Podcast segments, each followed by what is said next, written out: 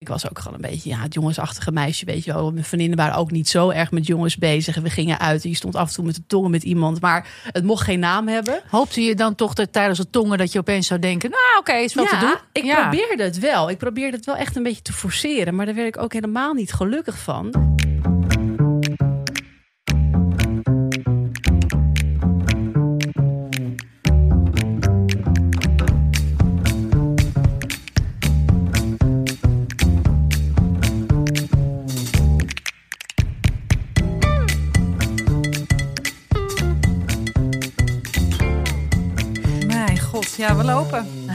Zitten hoi, in de kelder van Dag en Nacht Media. Bam!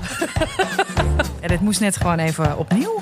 Kwam er niet uit. Nee, maar dat, dat, eh, ik- kom er de hele tijd niet uit. Ik heb dat de laatste tijd heel vaak. Dat ik gewoon niet eh, een normale zin kan maken. Het is de Ja, leeftijd. dat is ook- ja, is dat de drank.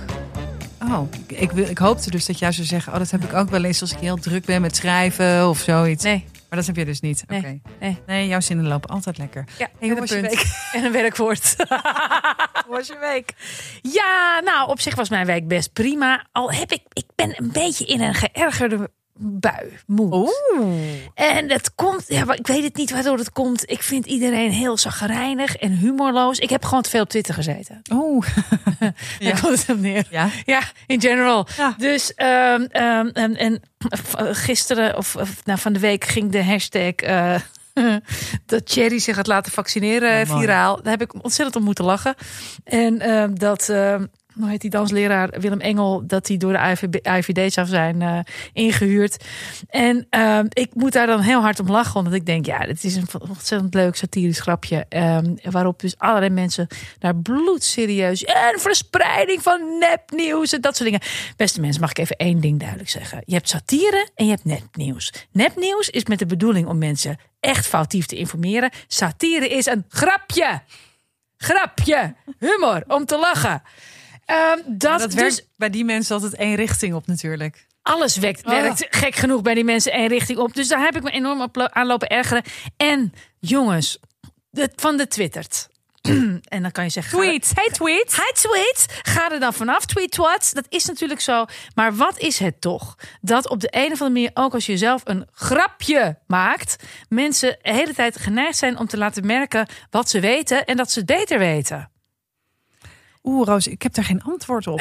Ik maakte van de week het grapje, of tenminste, ik schreef, en dat, dat was trouwens wel echt zo, dat ik eh, momenteel eh, eh, mijn zoon zijn eerste proefwerkweek op de middelbare heeft. En dat ik weer helemaal op de hoogte ben van de priemgetallen, dat ik mezelf kan voorstellen in het Spaans. En dat ik, wat was het nou ook alweer? Oh ja, dat ik weet wat fotosynthese is. Nou, hartstikke leuk. Ik weet het allemaal, nu mijn zoon nog. Dat had ik getweet, klein grapje, geen dijkletsen, maar klein gebbetje. Ja. Waarop er dan dus mensen gaan zeggen: Oh, maar priemgetallen, dat is heel makkelijk hoor. Dat is alleen door zichzelf. Dat vroeg ik niet. Ja, ik zet er Wat altijd is onder dat? verwijder jezelf. Of ik zet er altijd onder knap hoor. Ja, maar dat. Echt. Nou, wat ik nu dus de hele tijd erbij zet is: Wil je een sticker? Stuur je dan ook een sticker? Dat kan Dat ook, ik, hè? eigenlijk, ik, ja, ik wil dus heel graag stickers maken waarop staat: Wil je een sticker? En dat aan de mensen geven die op Twitter nu denken dat ze het beter weten. Nee, heb ik die, Roos. Misschien moeten we ook wil je een sticker.nl Nee, er registreren. Een sticker met, maar je bent nog steeds mijn sletje. Maar die kan ook wel. Zelf heb ik nogal veel plezier altijd op Kermit de sticker. Die heb ik. Misschien moet jij ook maar van Twitter, Roos. In ieder, geval, Twitter. in ieder geval van WhatsApp. want hoe echt- was eh, jouw week? Ja, ehm, ik kreeg. ehm, eh, ik ben weer opgeschrikt. Ik woon eh, in Bos en Lommer. En ik heb een hele leuke wijk. Ehm, maar af en toe is het een beetje hommeles. Ja. Ehm, ik heb al drie keer de politie moeten bellen omdat ik in gevaar was. En dat klinkt nu uit mijn mond, die overal bang voor is.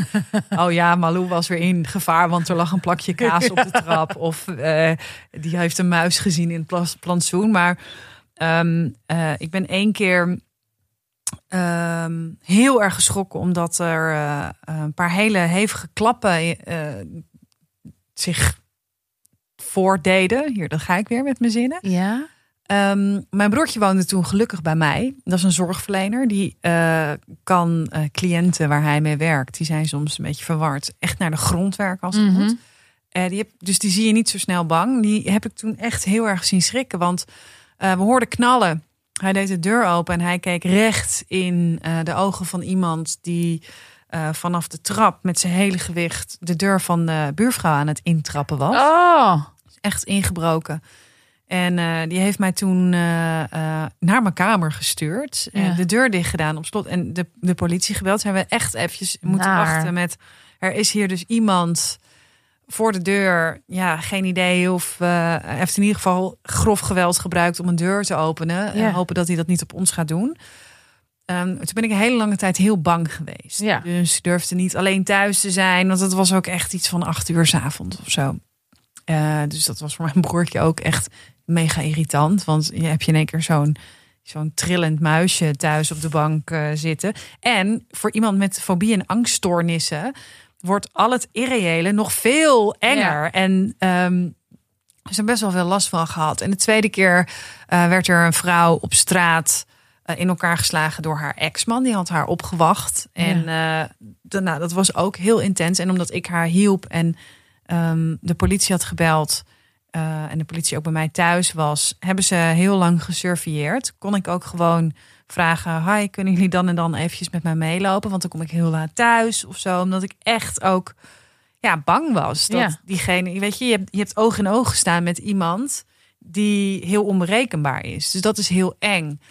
En de laatste keer was het omdat mijn buurman heel erg eh, in de war eh, eh, was. En die dacht dat. eh, ehm, ja, er was iemand die dacht dat er allerlei vreselijke dingen in de wereld ging gebeuren. En dat hij en ik dat moesten tegenhouden. Aha. Dus die, die was heel, ja, nou, wat ik zei, heel erg in de war. Maar ook doodeng natuurlijk. ja. Want ehm, je weet nooit wanneer dat kan omslaan in woede naar mij. Want Nee. woede was er wel naar de wereld. Eh, dus daarin ook heel vaak me eh, door een paar van die straatschoffen. We hebben zo'n kooi waar je kan voetballen. Dus dan eh, heel vaak gevraagd: Hey, kunnen jullie even met me meelopen? Ja.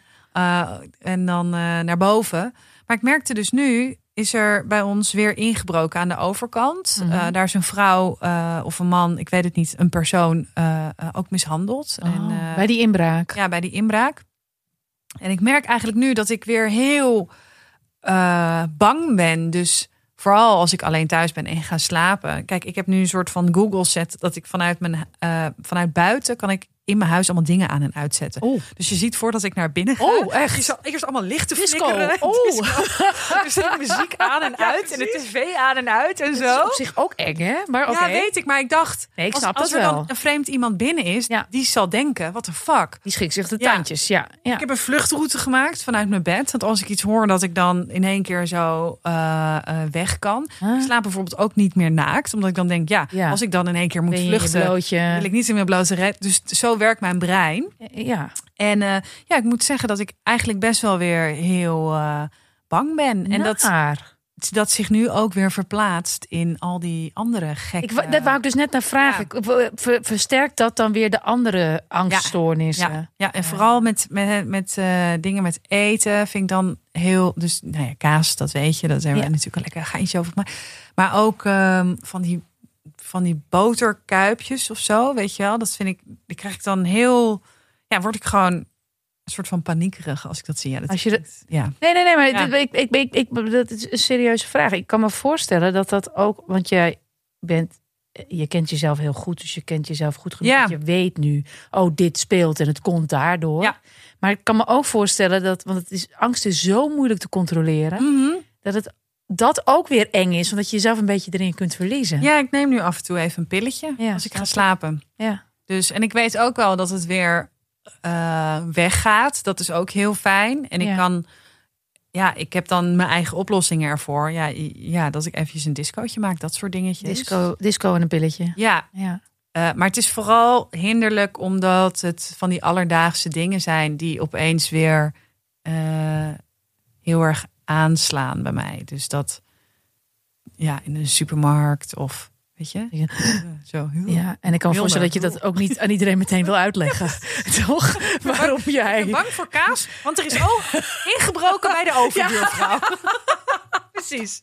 Ah, nee, Dus maar ik vind het wel God. echt rot. En dit is niet fijn. Ja, Nee. en ik denk, eh, volgens mij moet, moet je daar gewoon. eh, de- ik, heb, ik heb er ook een column over geschreven. Dat moet je gewoon, Gewoon zeggen. Het is het, dat is de, het, ik, ik, mijn ervaring is dat de grootste bezwering van angst en verdriet is om het er wel over te hebben. Zeker. En het, de reflex is om het er niet over te hebben. Ja. Nou ja, misschien dragen wij met deze column ook, of column, maar dit, deze podcast ook een steentje bij om het wel over dingen te hebben. Precies. Ja. En wat mij ook heel erg helpt eh, thuis, Ja. is eh, om eventjes iets eh, aan te zetten. Zodat ik niet hoor, zodat ik niet heel erg op geluidjes ga letten. Mhm. Dus wat ik eh, af en toe doe, is even een luisterboekje aanzetten. Ja, dat is ook. En dan met, het liefst met een beetje een geruststellende stem. Precies. eh, een die heb je. nou ja, er is dus een app, Storytel. Ja. Gelooft het niet? Ja. Gelooft het niet. De grootste bibliotheek voor in je broekje als je je telefoon daar houdt. Of gewoon voor in huis. Dit Het was is, gek, eh, hè, wat je zei. Ja, nou ja, het is, het Voor in je app. broekje. Maar het is een app. Het is een app. Je kunt hem overal aanzetten. Ja, Ja. drie, meer dan 300.000 boeken eh, voorgelezen en zelf te lezen. Ja, Ook handig voor in de trein als Dat- er iemand oogcontact heb wil. ik nooit geweten, inderdaad. Ik dacht altijd dat het alleen maar praten was, maar dat is helemaal niet waar. Het is Dan- gewoon ook net als in je op een e-reader of wat dan ook. Precies. En je kan dan heel makkelijk switchen. Ja. Dus dat je, als je op je fiets stapt, oh, hup, luisteren. En als je dan weer thuis komt en je wil liever lezen, dan kan je lezen. Ehm, wij hebben daar een eigen boekenkastje. Ja, Dat, dat is vind leuk. ik leuk. Ja, eh, dat is eh, storytel.com slash dit komt nooit meer goed. Dat kan je voor 30 dagen gratis uitproberen. Heel leuk. Je kan eigenlijk in 30 dagen ons hele boekenkastje wel eh, uit hebben. Ja, Als je dan denkt, makkelijk. ja. nou, dit was echt walgelijk, dan kan je ermee stoppen. Maar waarschijnlijk betaal je dan daarna per 30 dagen 12,99. ja.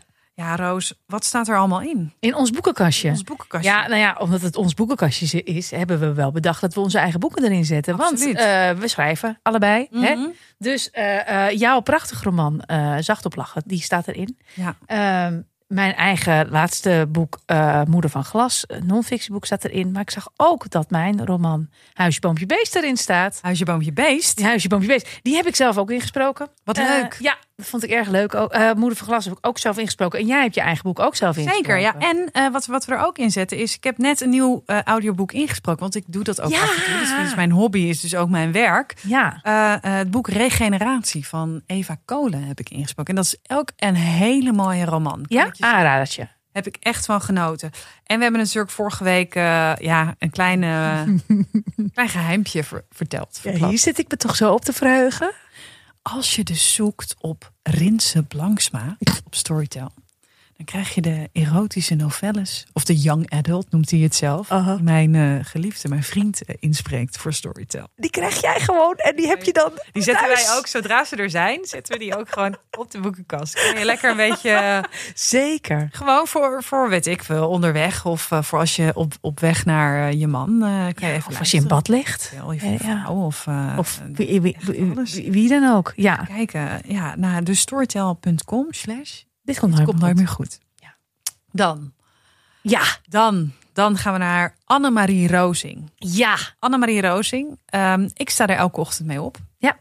Ik ook geregeld. Ja, huh? Ja. hoe kan dat? Ja, hoe kan dat? Eh, dat komt omdat zij eh, de ochtendshow van Q Music altijd voorziet van eh, nou ja, droge grappen en het nieuws. Ja.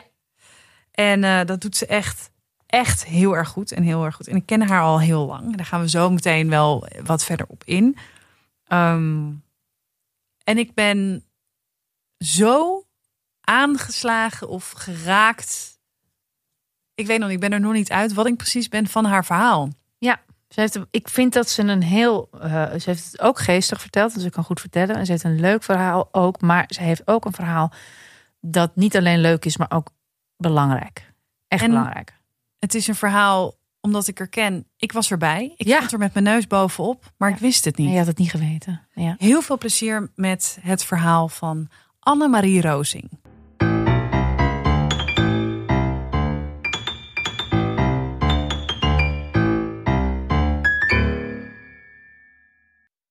Annemarie Rozing. Malou Alshuizen. Ja, Wat leuk dat je er bent. Ja, dank. ik heb toch een beetje het gevoel dat ik aanschuif bij een soort. Ja. Ja, ja. je interventie, Roos. Ja, Wij het- kennen elkaar. Nee, maar dat jullie dan inderdaad in de categorie dat je alleen maar zegt cavia. Ja, ja, ja. Dan ook maar doen alsof ik het leuk vind. Geen flauw idee. Ja, misschien moeten we eventjes vertellen eh, waar even. dat net over gaat, cavia's. Ja. Uh, ja, Ja, oh Annemarie en God. ik komen uit Heemskerk. En, eh, Heemskerk. Heemskerk. Ja, ik ben dus geneigd om Heemskerk, maar mag niet, hè? Heemskerk. is het. Heemskerk. En de echte Heemskerkers zeggen Heemskerk. Heemskerk. Echt? Ja. Oh, Heemskerk. Oké. En wij hebben een Ja? eh, feestweek. En die ehm, bevindt zich in het centrum van Heemskerk. Op het Nieleplein staat dan een hele grote ehm, tent. Zo'n witte tent. Zo'n biertent. Mhm. En eh, daar was op donderdagmiddag altijd Corrie Konings. Corrie, Corrie Ja. Konings. Dat was het hoogtepunt van het jaar voor veel Heemskerkers. Ja. Dat snap ik wel. Er werd vrij voor genomen, werd voor gespaard. ja. Er werden condooms voor ingeslagen. Ah. Ja. Eh, maar wat er wel eens gebeurde, dat dan stond die hele tent vol met Corrie Konings fans, de hossen. En dan eh, gingen er ook, want de winkels waren ook gewoon open tijdens de feestweek in Heemskerk. Daar hadden ze niet echt heel, dat was niet echt heel erg lekker in balans. De lage lavaloze mensen voor de stumpel, zei mijn moeder altijd. Wat is een stumpel? Help me even. De boekenwinkel. Oh, dankjewel. Nee, want, ja, sorry luisteraars. Jullie dachten ook niet meteen, oh ja, de stumpel. Dan heb ik nog een ontdekking van de hemel gekocht. Internationaal bedrijf. Nee, alleen Heemskerk. Oké. De stumpel. Oké. Ja, naast Kappenbekken. Weet je wel. Ah, tuurlijk. En toen? Eh, nou, toen ha- had ik hier iemand, eh, was zo vrij geweest om alle cavia's van de dierenwinkel te kopen en los te laten in de tent. En ook eentje naar het podium te gooien, naar Corrie Konings. Ja. Ja. Levend. Ja. Levend. Ja, en maar ja, is wel. dus wel de grote vraag. Heeft de cavia het gezicht van Corrie Konings Ik bereikt? weet niet of je de haar hebt gezien de laatste tijd. Die zitten nog steeds. Impeccable, Corrie. Corrie, je bent van harte welkom. Ja. Maar uh, uh, wauw. Ja. Nee, Annemarie Dat vind ik ik nog wel echt wel, echt wel een categorietje heftiger, beter ook dan bier gooien. Dat is echt Ja, heel bier en dan daarna meel. Dit is, dit is natuurlijk vreselijk, hè? Ja, afschuwelijk. de Nee, sorry. Ja, Dieren nee, horen. dieren, die, dieren zijn me lief. Ja. Zelfs, zelfs knaagachtigen, soms wel. zonder staart zeker. Ja, zonder staart. Maar Maar met eh, staart kan je ze beter gooien. oh, ja, maar dat durf ik-. Ja, sorry. Nou, hè, dit is- dit... eh, Kijk, ehm Annemarie en ik hebben op dezelfde middelbare school gezeten. ja. Maar misschien nog wel leuker, want op school keek ik elkaar niet echt aan. Want Nee. jij zit op VWO en ik op de Ja. MAVO. Dus je kijkt nogal op me neer. Ja. Ehm, we werkten in eh, hetzelfde kasteel. Kasteel. In een kasteel, in een jeugdherberg. Als wat? Ja, Ja. ja jij meer als barvrouw en Ja. ik meer als afwasser. Ja, nou, zo Want- begon ik ook. Want, ja, dat is waar, ja. Of wie wou zeggen wat MAVO. En dat was, eh, ja, dat was, nou, dat was dan vooral door de week. En, maar in het weekend had je dan ook had je die dagdiensten of vroege diensten. Oh ja. En dan moest je dus ook al die slaapzalen eh, schoonmaken, bedden verschonen en eh, dat soort dingen. Ja. En ik weet nog één keer, dat was met jou, Annemarie. dat we moesten we, weet ik veel, ehm, dat doen. En toen kwamen eens, je hebt dan van die toiletgebouwtjes op de gang. Mhm. En daar stond een geurtje van Jean-Paul Coutier. En dat had iemand laten liggen. En dat had ik zo helemaal leeggespoten over al, want het stonk daar best wel over, over alles en ook over onszelf. En jij zei nog de hele tijd: doe nou niet, doe dat nou niet. Ik was iets serieus in werk. En toen kwamen we zo helemaal beneden als twee vleesgeworden Jean-Paul Couchés. en toen was dus de man van het desbetreffende luchtje teruggereden. En die vroeg, eh, heb ik hier misschien mijn luchtje laten liggen? We hadden dat helemaal leeg. Wij zo, "Hmm, nee, nee, nee, niet. Dus dat soort dingen ja, gebeurden daar ja, in het kasteel. Ja, gebeurde Wat een mooie meer. tijd. Ja, dat was een mooie tijd. het was een mooie tijd. Het was een mooie tijd. En, en nu kennen mensen jou vooral van de ochtendshow van Q Music. Bij Precies. Marika. Als Ja, het, het zou- nieuwsanker. Kunnen. Ja, klopt. Iedere ochtend Iedere ochtend. gaat het wekkertje. Om? Zeven over vier. Waarom zeven? Nou, omdat iedere minuut telt. En ik heb precies berekend dat in die tijd, in 23 minuten moet ik weg zijn. Dan fiets ik ook 23 minuten. En dan ben ik, als het goed is, om 4 uur 50 zo ongeveer. Zeg ik dit goed? Nou ja, rond die tijd ben ik bij de studio en dan ga ik beginnen. Zo. Het is Ja. wel uitgemeten, ja. Ja. Want ehm, ik douche ook niet 's ochtends. Dat doe ik dan echt ook 's avonds. Wat ook Ja. scheelt Ja, weer ja, tijd. Nee, snap ik ook. Moet En- vooruit douchen. Ja, je moet echt vooruit douchen. Ja. Dus ehm, nee, dat is erg afgewogen. En dan denk ik ook iedere ochtend echt als ik wakker word, dit komt nooit meer goed. Want dan is het echt een strompel ik naar die badkamer, weet je wel. Heel totaal uit het lood geslagen. Helemaal nog uit mijn evenwicht. Op de tast. Eh want ik ook ga lichten aan natuurlijk, anders wordt mijn vriendin wakker. En dan eh, nou, uiteindelijk als, als ik op het fietsje zit, dan denk ik, oh ja, ik begin een beetje tot leven te komen. Hoe laat ga je naar bed? Ehm, ja, acht uur lig ik erin. Ja. Wauw. Ja. Ah. ja, moet. ja, dat moet ook. Ja. Maar je kan nu gewoon tot sluitingstijd helemaal naar de kloten. En dan, Ja, jij kan helemaal naar de Ja, tot sluit. Echt fantastisch is. Ja. Helemaal verliefd. Jij kan echt helemaal wauw. Ja, nee, ik snap het. Dat is, dus we doen het eigenlijk allemaal voor jou. Ja, Nee, dat is goed. Ik vind het hartstikke goed. Opeens heeft Annemarie haar leven weer terug. Ja. Ook een sociaal leven. Oh, maar dat vroeg op pieken gewoon half zes, weet je wel, eten. Waarom moet dat altijd zo laat? Ja. Hou het Ik maar vind zo. vroeg pieken trouwens ook lekker. Ik, ik ga Ja, hier ook goed op hoor. Ja, prima. Ja, dan denk je, oh ja, maar dan denk ik, oh lekker. Zit een tien uur, om tien uur in mijn pyjama. Ja. Lekker. En gewoon in één keer nokkie. En nokkie. Heerlijk. Maar goed, daarvoor ben je hier niet. Zover de leuke dingen van het leven. Maar hoe gaat het verder met je? Ja, goed. Ja? Eigenlijk. eh, ja, ik ben wel heel erg. eh, nou, is- klinkt dat heel raar? Oh, dat laat- zei mijn moeder laatst tegen mij. Volgens mij ben je wel heel erg in de balans. nou, dat is toch altijd een soort helemaal sedang. Ja. Ja. ja, rustig. Werk ben ik heel, heel blij mee. En eh, ondanks het vroege opstaan.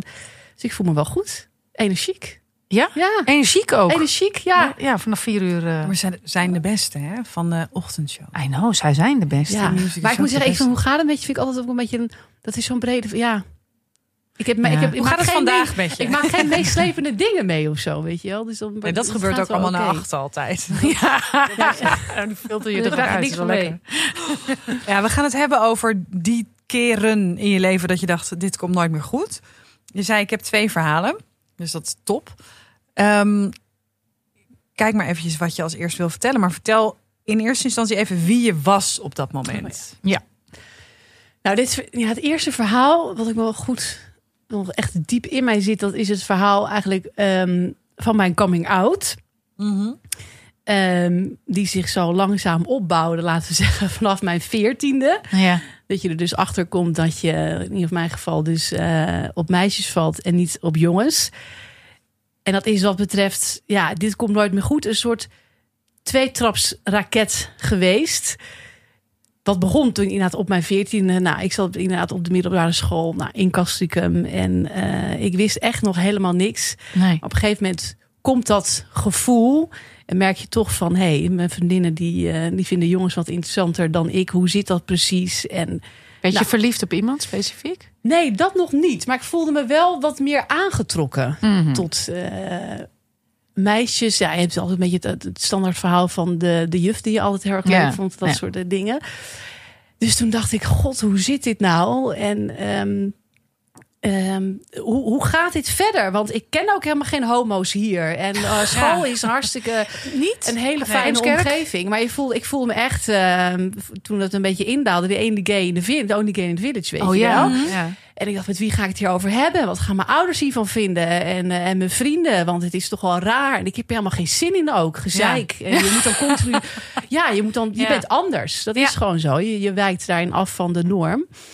En ehm, ja, dat, dat besef kwam echt wel op mijn veertiende. En ik dacht op een gegeven moment ook wel... jeetje, hoe, hoe gaat dit goed komen? Hoe ga ik dit vertellen? Hoe ben ik hier zelf op een gegeven moment ook blij mee?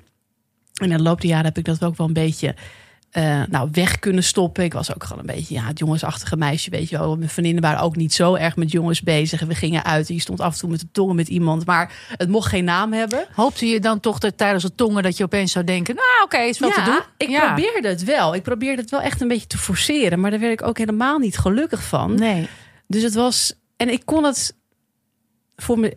eh, ik had heel erg het idee dat ik het niet kon delen. Of ik durfde dat nog niet. Dus het is Nee. best wel... Die puberteit is natuurlijk super... Je bent heel onzeker. Je vergelijkt je continu met anderen. Je bent super kwetsbaar. En het was ook wel dan heel... ehm, een beetje eenzaam. Omdat je ook wel weet van... Ja, er, er komt een moment dat ik het ga vertellen. En dat Mhm. is niet geleidelijk. Dat is een soort van klap geef je erop. Ja. En Ja. dat stelde ik steeds ehm, wel voor mij uit. En op de middelbare school heb ik daar, daar helemaal niks mee gedaan. En nogmaals, eh, de Bonaciere Cassicum stond ik iedere week met een andere jongen. Maar goed, het lukte gewoon niet. Het lukte gewoon niet. Ze luisteren allemaal, hè, die Ja, jongens. Ze vonden het niet lekker, jongens. Maar op een gegeven moment op mijn achttiende, toen dat sluimert dan een tijd. En toen dacht ik, ja, weet je, ik- dit gaat zo niet langer. Want Nee. die zit, dit zit zo in je eigen hoofd. En ik wist hè, mijn ouders die zouden het prima vinden. En mijn vriendinnen ook.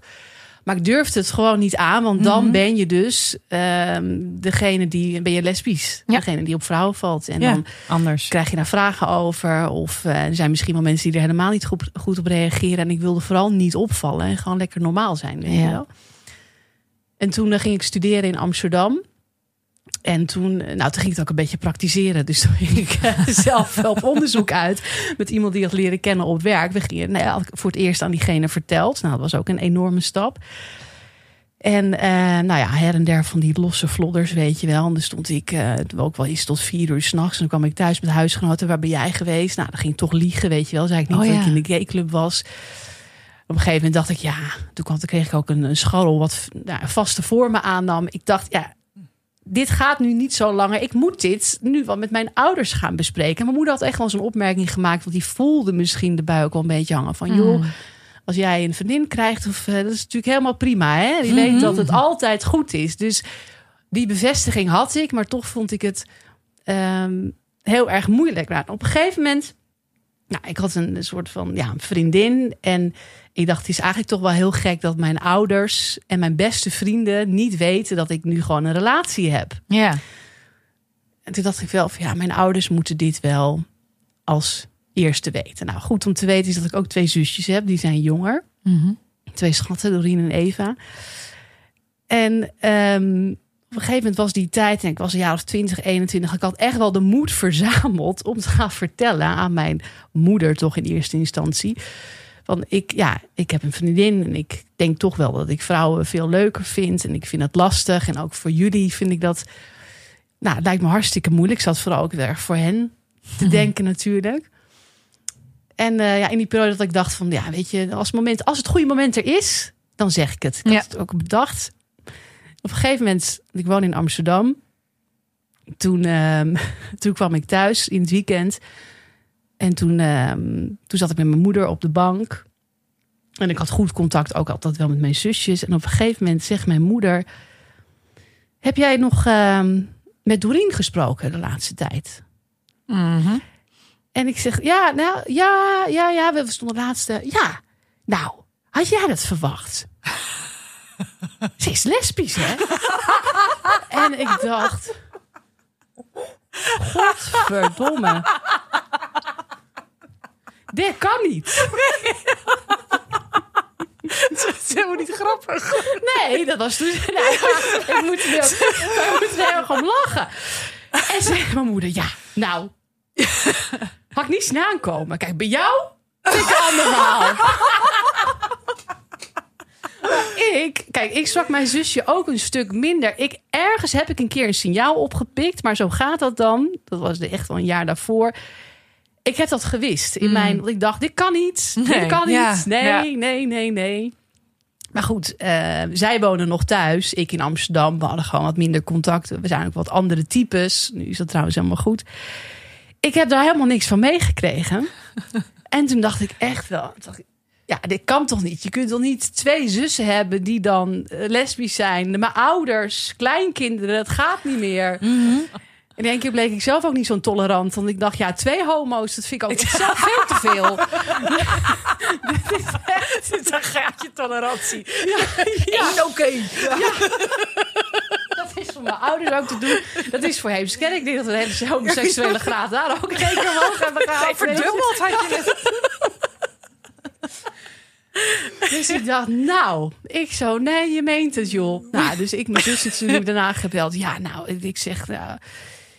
Maar ik was een beetje pissig op haar, merkte ik. Want Ja. zij uh, ging er met ja, die, die, die eerste eer vandoor, zeg maar. Ja. En met het verhaal. En En jij bent ook de oudste. ik ben de oudste. En, maar zij was heel erg zeker van haar zaak, weet je wel. Zij is zoiets, ja, scheid, het is zo. En ook natuurlijk wel een lastige tijd daarin gehad. Maar ik zat er heel anders in. Ze had me veel meer druk te maken. En dus uiteindelijk, eh, nou ja, zijn we ook goed met elkaar gaan zitten. Ze zegt, maar ja, je wist dat misschien van mij toch. Ik zeg, ja, ik heb het ooit een keer, heb ik iets vaags gehoord. Maar ik wilde dat helemaal niet. Dat heb ik gewoon helemaal uitgeschakeld. En toen op een gegeven moment dacht ik, ja, eh, toen zei ze, maar je moet het ook aan mama vertellen. Je moet het vertellen aan papa en mama. Want, Want je had is, het toen wel aan haar verteld. ik heb dus. het nu gezegd. Ik Ja. zeg, ja, ik weet je, ik vind het heel moeilijk, want ik heb dat, denk ik ook. Nou, ik denk heb dat ik. ook. Ik heb het. Ja, Ik heb, ik heb, hebben jullie een kamer gedeeld vroeger? Was, eh, was dat het? Ja. zat er iets. Ik heb het ook. Ik heb het ook. eh, ehm, En toen zei ze, ja, maar zeg het gewoon. Want eh, zij zag ook wel aan mij dat ik het er gewoon heel best moeilijk mee had en mee Mhm. worstelde. En je wil gewoon die, dat die last van je schouders afhangt, weet je, afgaat. En ehm, dus ik heb het uiteindelijk toen aan mijn ouders, een, nou, ik denk een maand later verteld. Ik zeg, ja, sorry man, maar het Je is... hebt er nog één. Ja, ik denk, het, het is niet zo. Ik, ik, ik voel dat ook. En ik weet niet, eh, ik, hoe zou het komen, hè? Ik weet het niet. Ja, het, Zit het in het water? ja, Wat toen zei, kan- ja. zei mijn moeder, ja, nou, dit verbaast me dan toch minder. Kijk, er is natuurlijk wel emotie, want mijn moeder zag ook wel bij mij dat het ja. een enorme, ja, ook wel een beetje een strijd is geweest. En, Mhm. eh, en dat ik het niet, eh, niet heb willen delen. Nee. En dat vond ze eigenlijk het moeilijkste aan Ja. natuurlijk. Dat je als moeder, dat je kind dat, dat lastig vindt. Dat vond mijn vader ook.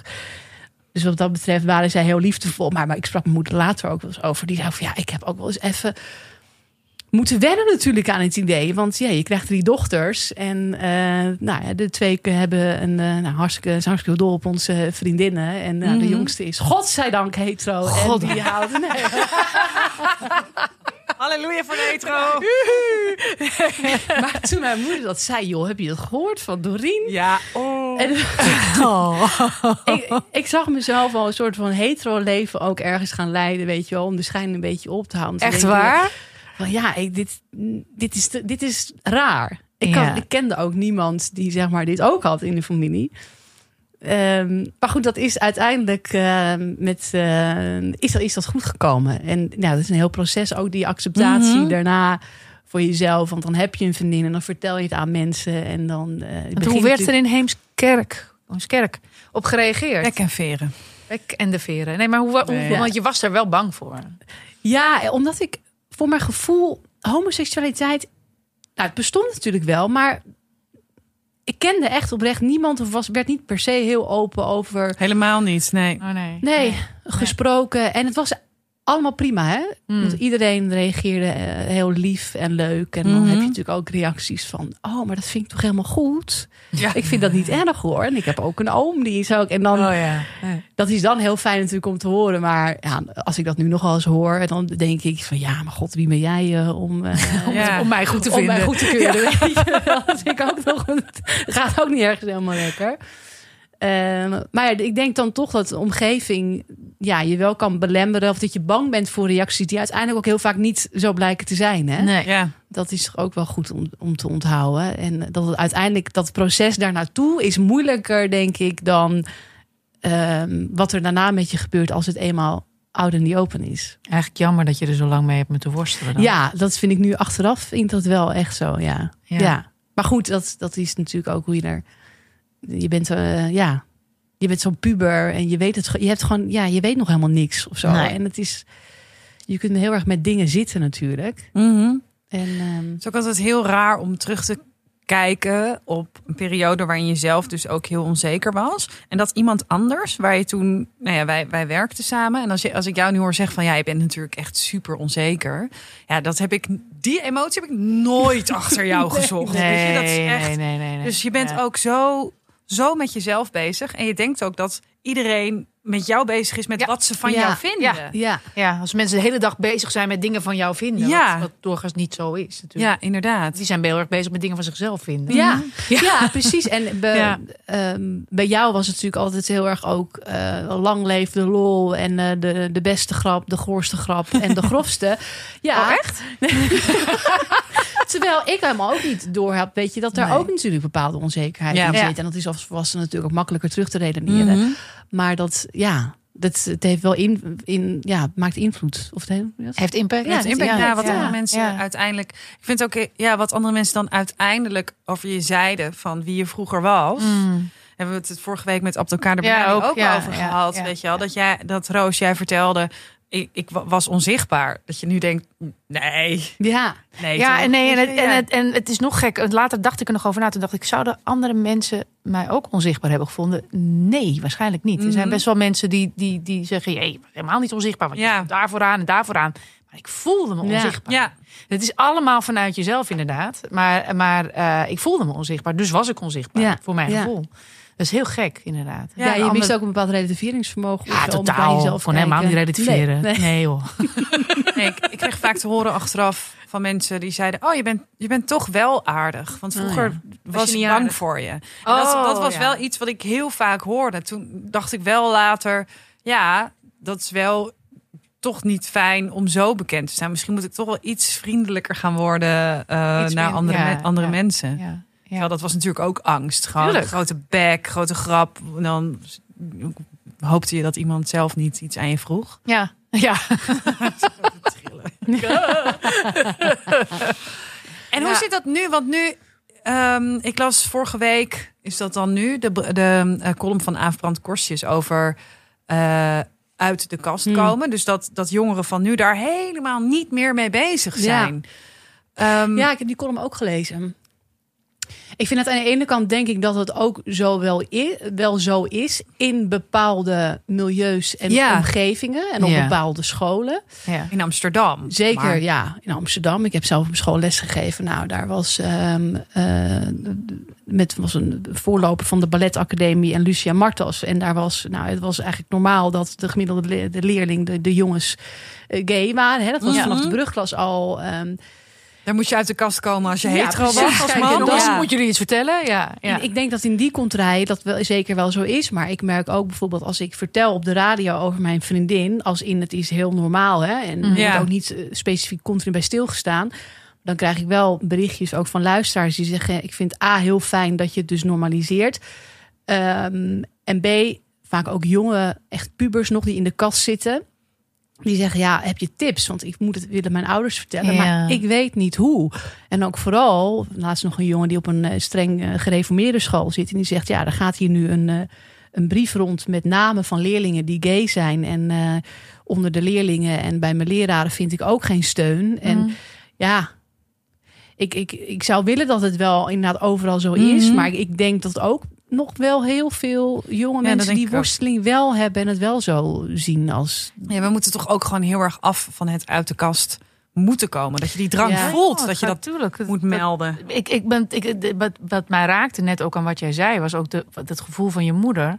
Dat je, het, dat je het als moeder, dan zit ik natuurlijk meteen te denken aan mijn eigen kinderen. Ik zou het verschrikkelijk vinden als mijn kinderen zo lang Mm. me dat niet durven vertellen. Terwijl Ja. ze natuurlijk ook recht Ja. hebben op hun eigen privacy en hun eigen seksleven in godsnaam. Maar, eh, eh, maar dat je inderdaad de worsteling, Ja, dat is eigenlijk natuurlijk het, het, het, het, het rottigste en het kloterigste. En daar zou je je kind tegen willen beschermen. Ja. En verder kom je maar thuis met wie je wil. Vind ik alleen maar hartstikke gezellig. ja, Dat is natuurlijk ingewikkeld. ja. Ja, Ja, want eh, die, worsteling daar kies je soms ook wel een beetje zelf voor. Je moet het echt eerst voor jezelf ook een beetje Ja. uitvechten. ja. Ja. snap ik ook. En dat. eh, En krijg je nu krijg je ook wel eens negatieve reacties op de radio eh, bijvoorbeeld? Nou, eigenlijk helemaal niet. Nee. Nee, want toen ik ook mijn eigen coming-out verhaal vertelde laatst op een nationale coming-out day, ja, ehm, ook juist van ouders die zeggen van, oh ja, het is toch ook wel heel goed om hier zo even bij stil te staan, om toch ook na te denken hoe ik zou reageren naar mijn eigen kinderen en Ja. hoe ik ze nu al het zeg maar zo comfortabel kan maken dat ze weten dat het goed is Ja, omdat je er niet altijd zo bij nadenkt Ja. en er toch van uitgaat dat je kind natuurlijk eh, hetero is. Wat Ja. ik ook ergens eh, goed begrijp. Maar soms is het wel goed om dat besef weer even te Nou, ik hebben. vond het heel ehm, leuk, opmerkelijk. Ik weet niet hoe je... Ik, daar is vast een woord voor, maar daar kom ik nu niet op. Dat ehm, eh, als mijn vriend, Rinse, die heeft een dochter van 12. Als die heeft er... Oh ja, maar wacht maar als wanneer jij een vriend of vriendin hebt. En die zegt dat altijd gewoon in Ja. vriend of vriendin. ik ook. Eh, Ja. En, en hoe Ja. zij daar niet op reageert. Dat is ook gewoon wat het is. En dat vind ik echt... Dan ben ik altijd heel trots op hem. Nee, ja, nee, En dat ja, is ook weer heel gek, Precies hetzelfde. maar- Maar, omdat ik, dat, dat, omdat ik het heel erg sturend vind om te zeggen. Ik heb Ja. twee jongens, dus als je met een meisje thuis Ja. komt, vind ik dat heel sturend. Dus inderdaad, ik zeg ook altijd een vriendin of een vriend. ja, maar dat is zo fijn. Ik had laatst ook bij de kapper en dat ze zei: En eh, ben je op vakantie geweest met je partner? Toen dacht ik: Oh ja, weet je, top. ja, Ja, prima. Ja, ja, ik was met mijn vriendin. En eh Mhm. terwijl je het ook wel zei. En, eh, en je vriend vindt die rijden dan ook zo eng? Dat vroeg laatst iemand. Ik zei, ja, ik heb dus een vriendin en die rijdt heel hard. Ja. ja, en die, die vloekt als een bootwerker. En die, eh, ja. Ja, ja, ja, mooi verhaal. Had je er nou Ja. nog één? Had ik, ja, maar dat was ik. Ja, ik heb gewoon zin in meer. Je kan goed vertellen, vind ik leuk. Oh ja. nou, dat, dit verhaal is gewoon. Dit is echt een beetje mijn zelfmedelijden verhaal. Graag. Ik niet het- Lekker. Ik vond het zelf heel erg. Daar hebben wij deze niet- podcast voor. Vinden onze luisteraars heerlijk. Dit was een stuk recenter. Dit speelde zich af begin 2020. Vlak voor de hele corona-ellende hier begon eigenlijk. En ik was nou, toen 34 en mijn relatie van toen ging net uit. Mhm. En wij woonden samen en eh, nou, dat was gewoon, dat was geen leuk einde. Dat was eh, verdrietig en eh, nou ja, daar, zat ik, daar zat ik behoorlijk mee. En op een gegeven moment kom je op zo'n punt dat je vrienden je natuurlijk heel erg helpen. En mijn zussen ook. En mijn zusje kent natuurlijk de, de klappen van de lesbische zweep. dus die... eh, Oh, jullie woonden al samen? Ja, ja, ja, ja. ja. al samen. Dus op een gegeven moment voelde me ik, ging het weer wat beter, weet je wel. En kon ik het ook goed plaatsen en had ik er ook wel een soort van vrede mee. En toen had ik een hele leuke avond met eh, in Café Sarijnen, het oudste lesbische Ja. café in Amsterdam. Nou, kom ik graag op vrijdagavond, echt zo'n bruin café. En het was zo'n avond met nog beslagen ramen. De hele hut stond vol en er kwamen allemaal bekenden steeds onverwacht langs, weet je wel. Mhm. kwam, bij toeval kwam iedereen bij elkaar. Dus ik had eh, een ontzettend leuke avond. En echt dacht, nou, wat ben ik toch blij met mijn vrienden. Als dit de rest van het leven zo is en ik blijf vrijgezel, vind ik het ook goed. Dus op een gegeven moment ging ik naar huis. Ik dacht me wel, weet je, ik moet even opletten. Niet te veel drinken. Ik moet alleen naar huis. Fietsen, voorzichtig. Dus ik nou, ging om 11 uur naar huis. Dus ik fiets het hoekje om. Bij Café Serijn. Bam, word ik aangereden door een andere fietser. Nou, lang verhaal kort. Ik zat twee minuten later in de ambulance met Oh. een gebroken enkel. En die was op vier plekken helemaal gebroken. En mijn scheenbeen zat ongeveer bij mijn kleine teen. Nou, Jezus. maar toen dacht ik, oh nee. Dus ik zat in die ambulance en ik mijn zusje bellen. Kom je, kom je? Want ik, ik was ook heel dramatisch. Ik moet naar het ziekenhuis. En die mevrouw zegt, heb je veel gedronken? Ik ga nu eh, pijnbestrijding erin doen. Nou, uiteindelijk eh, dus bij het ziekenhuis. Die is s'nachts nog die voet recht gezet. En ik Oh. moest helemaal in het gips. Nou, mijn zusje mee. En nog twee andere vriendinnen die mij onderweg hadden zien liggen. Die zijn achter die ambulance aangefietst. Oh, echt? Nou, die waren ook een beetje tipsy. Dus de een die stond op een gegeven moment in de plasbekers bij de eerste hulp. Stond zijn glaasjes water uit te delen aan iedereen. dus ik kon lachen en ik was super verdrietig en ik had mega veel pijn. En in die ambulance dacht ik echt van, oh god, komt dit nog goed? En toen moest ik, eh, nou, ik kon daarna helemaal niks meer. Ik moest geopereerd worden en ehm, het was gewoon een hele, heft, gewoon een hele heftige breuk. Dus ik moest even, ik woonde weer alleen. Ik Ja. woonde drie hoog. Ik kon de trap niet op, dus ik moest weer revalideren bij mijn ouders. En eh, ik kon ook niet werken, dus ik had twee weken zat ik gewoon met mijn poot omhoog weer in Heemskerk bij Ja. mijn ouders. Nou, Zo. dat is in het begin even wennen, maar het is ook heerlijk, want je zit weer helemaal in een soort van cocon en veilige omgeving en de drukke wereld bestaat eventjes niet. En ehm, op een gegeven moment moet je weer terug Ja. naar, naar huis. Ja. Maar ik had nog steeds, eh, kon ik niks. Ik kon niet lopen. Ik kon alleen op krukken en een rolstoel. En dan duwde mijn moeder me één rondje per dag zo door de buurt. Want het was januari, het was ook meer tien en het waaide. Dat was heel erg feestelijk. En ik kwam weer aan thuis. En ondertussen had mijn ex, terwijl ik bij mijn ouders zat... Nou, die had de spullen weggehaald. Dus het was redelijk ongezellig. Moeder- Sympathiek. Ja, sympathiek. Mijn moeder kwam nog binnen met een plantje van... ik probeer nog even op te leuken. Maar het was leuk geprobeerd. Het was ongezellig. En ik had een muizenplaag. Oh. En dat was zo... Oh. Maar ja, Oh. ik dacht, ik moet terug. Want ik moet ook weer werken in Amsterdam. 's ochtends vroeg. Dus ik met de taxi iedere keer, weet je wel, de trappen af op mijn kont. Want ik kon echt niet lopen. En mijn voet was nog zo afgebonden, schuin naar beneden. Hoe ze dat hadden gedaan, weet ik ook niet. En op een gegeven moment had ik een kapperskrukje gekocht. Want ik kon niet normaal door huis lopen. Eh, met mijn krukken stoot ik overal tegenaan. En op het krukje kon ik zitten. En dan kon ik mezelf bijvoorbeeld een beetje bedienen. Met wat borden pakken uit de keuken, eten Oh, maken. ja. Dus op de ja. kapperskrukjes ging ik zo continu dat appartement door. En op een gegeven moment op vrijdagavond kwam mijn voetbalteam heel gezellig mij vergezellen. Want ik kon ook echt de deur niet uit. En ehm, ik had de dag daarvoor de muizenmeneer binnen gehad van de, van, van de GGD. Want die, ehm, ja, die had allemaal gif neergezet. Want die muizen die moesten weg. In je eentje in een huis vol met muizen is niet leuk. Dus op een gegeven moment, vrijdagavond, was een hele gezellige avond met mijn voetbalteam. En ehm, nou, om 11 uur was het wel mooi geweest. Ik strompelde naar bed op het krukje weer. En daarna, Oh god, dit gaat. s'nachts werd ik wakker. Want ik had onwijze dorst. En ik dacht, oh ja, de kater begint al een beetje. Dus ik op dat krukje naar mijn, eh, naar mijn keuken. Eh, want ik was naar de wc geweest. Ik dacht, ik ga mijn handen wassen. Die keuken stond vol met allerlei flesjes, eh, halve glazen wijn. Ik dacht, oh, ik moet morgen ook nog opruimen. Lagen daar in de wasbak Oh. twee muizenlijkjes. Helemaal Ah, verstijfd. eh. Op het ruggetje, weet je wel. Zo die pootjes. En, dan... en ik zat op die kruk en ik dacht... Nou, dit is echt een heel triest beeld. Met mijn voet zo vooruit. En ik dacht, ja, die muizen moeten uit die wasbak. Nou, en toen heb ik uiteindelijk een stoffer en blik gepakt... en die muizen eruit geschept. En maar in mijn prullenbak gedaan. Toen dacht ik, ja, nu zitten er twee kadavertjes in mijn prullenbak. Ik wil dat die za- zak naar beneden. Dus toen ben ik, s s'nachts ben ik die zak op mijn kont de trap af naar beneden, naar de container gaan brengen met mijn kruk onder mijn arm. Toen weer terug, toen weer boven. Toen dacht ik, nou, dit is gelukt.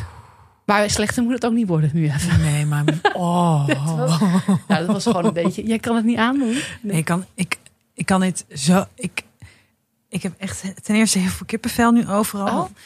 Ik heb zo'n muizenfobie. Oh ja. ik nee. weet gewoon dat ik nu, door dit verhaal, ga ik vannacht en morgen. Ja. En ik ga weer al mijn schoenen checken. Ja, en ik ga weer alles Oh, zo God. uitgooien. Dankjewel, Wissel hoor. Hè? Weet, weet ze al jaren. Dus ik heb hem al vanaf mijn veertiende. Hey, ik heb mijn muizen. Nee. Het is ook helemaal niet waar, dit verhaal. Was het maar niet wil gewoon kadavertjes zeggen. Nee, nee, zo heftig. Zo heftig. Ja, heel goor is was dat. Wel echt heel erg, ja. Ja, ik vond het echt. Het was echt een triest dat je een helikopterview van jezelf hebt. Ja, maar van- echt. Dat je zelf ziet zitten. Ja, en aan de andere kant denk ik, weet je, als dit het ergste is, Nou, valt ja. ook al wel mee. Maar ja, ik, Ja, Ja, ik ken mens, weinig maar- wat erger is, sorry. Maar echt, is echt mijn aller, aller, allerergste nachtmerrie. Die coming out is er niks bij vergeleken. Jezus. Nee, ik heb echt liever wortelkanaalbehandelingen. Nee, ik, ik, ik, ik, Eh, eh, bij, bij, bij mij heb je ook geen, mij heb je ook geen muis, muizenvriend. Nee, nee, ik ben echt fobisch, echt. Heel erg. Ja. Oh, ja, maar daarom heb jij ook drie kat, vier, Vier. katten Vier. en een Oh ja, hond. slim. En een hond. ja, nee. Ja. Nee, nee, nee, nee. Ik ben, nee, het is, het is, eh, het, eh, ik, ik heb mezelf een keer op het dak van ons huis opgesloten. niet. Ja, held op sokken die ik ben. Want toen was dus had ik nog een andere kat eh, en die was een beetje oud. En die had op een gegeven ogenblik blijkbaar dus een muis gevangen. Dus ik kwam die kwam heel klassiek die muis voor mijn voeten afleveren in mijn werkkamer. En toen ben ik naar boven gestierd. Het was wel zomer. Toen ben ik op het dak gaan staan. Ja. En toen heb ik mijn, mijn, mijn toen vriend, nu man, gebeld. Dat hij nu naar huis moest komen. En dat hij echt zei: Dat is belachelijk. Nou, Ja. ik kom hier niet. Ik ga hier niet weg. Nee, nee. nee. Ja, stel je niet aan. Nee, ik ga niet. weg. Nee, nee, nee, nee, maar die, bedoel, die, die kat is nu hockey aan het spelen met die muis. Ik kan het niet. Ik kan het niet. Ik kan het niet. Toen is inderdaad mijn man gekomen om de muis eh, Ja, en toen heeft het lukte me ook nog niet om hem dood te slaan. Nou, laat maar. Ja, een vriend van mij die heeft ook, maar als je er echt bang voor bent, je weet, want mensen doen dan, ah, ja, het is maar een muis. Ja, Nee, maar nee, bent nee, echt nee. heel bang voor. Een vriend van mij, die heeft ook een keer ook zo'n situatie als jij, die was geopereerd aan zijn knie. En toen liep er dus ook de hele tijd een muis die schoot over zijn bed en die heeft een brandweer gebeld. Nee, joh. Ja, ook in paniek, gewoon in blinde paniek, omdat één keer denk je, ja, oké, dit was eng, maar de hele tijd en hij kon niks. ja, en het, is, gewoon echt zo eng. En ook alles in je huis voelt alsof het niet meer goed is als je muis plaatst. Vies. Voelt Ja. vies en Ja, joh. achter alles kunnen ze zitten. Ja. En keutels. Oh, en eh, het voelt gewoon smerig. En buiksmeer, dat hebben ze zo ook, heb ik geleerd van die Oh, meneer. Wat is dat? Zeg je dat? Wat is dat? Ja, dat zit dus op hun buik. Wist ik ook niet. Daarmee kunnen ze dus een beetje plakken aan leidingen en zo, zodat ze niet naar beneden vallen. Oh mijn god. Oh, dus daarom kunnen ze helemaal door die buizen heen. Op, dat je denkt op drie hoog komen ze niet. Ja, nou. Ik heb serieus mijn, mijn hele keuken vol beton laten storten. Omdat er muizen ergens uit een gat... Ik heb beton! Ja. Napalm en beton! Ja, ik heb dat. Ik heb gewoon van dat eh, eh, staalgaas. Dat kan ook in plaats van beton. Ja, het kan ja. ook. Nee, joh, zo mijn god. Oké. Oké, nou, bedankt hiervoor. Ja. Annemarie. Eh, fijn dat je er was. Als je nog eens een vriendin hebt hè, met een verhaal. Hartstikke leuk, Malou. Eh, We hadden wel eh, eh, bij het kasteel, om nog even terug te komen op het kasteel. ja. Daar had je ook wel eens ratten. Want er zit Oh, een ja. slotgracht omheen. Ja. En wij deden altijd, eh, hadden we lunch gehad. En dan waren er bijvoorbeeld heel veel kaasvlees over. En dan sjoelden we die zo van, de, zo van het dingetje zo naar buiten. En dan kwamen er eerst hele grote van die karpers. Die kwamen zo op, op eten zo. En dan soms kwam er ook zo in één keer zo... en zo'n ratje aangezwommen. Oh. Die greep dan zo'n kaassoufflé. En dan... eh, ging hij weer de gewelven in waarschijnlijk. Oh, Dat vind ik ook altijd zo vreselijk om daar te komen. Ik vind dat deze, aflevering ook niet helemaal goed komt. Denk je? Ja, ik vind het. Ik, ik, ik, wil het niet meer. Ik wil dit niet meer. Ik wil naar huis. Oké. Ik wil nu in feutushouding op de bank. Of na, nadat ik hem gecheckt heb. Oké. Buiksmeer. ik ga nu weg. Dag.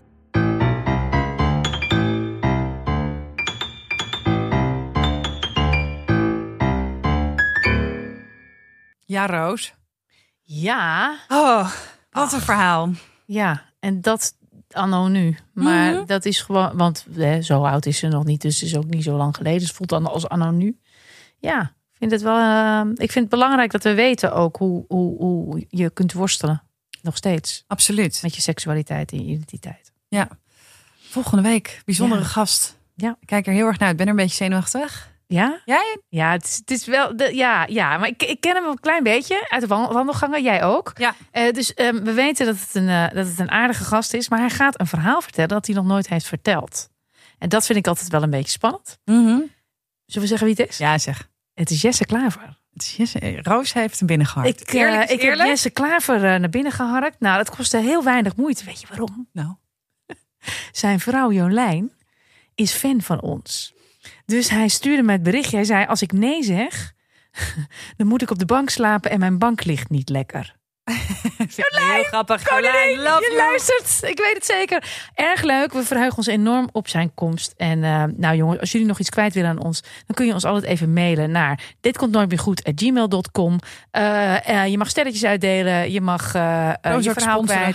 kwijt. Sponsoren kunt, kan ook nog altijd. En luister vooral en abonneer je op ons. Dat is gezellig.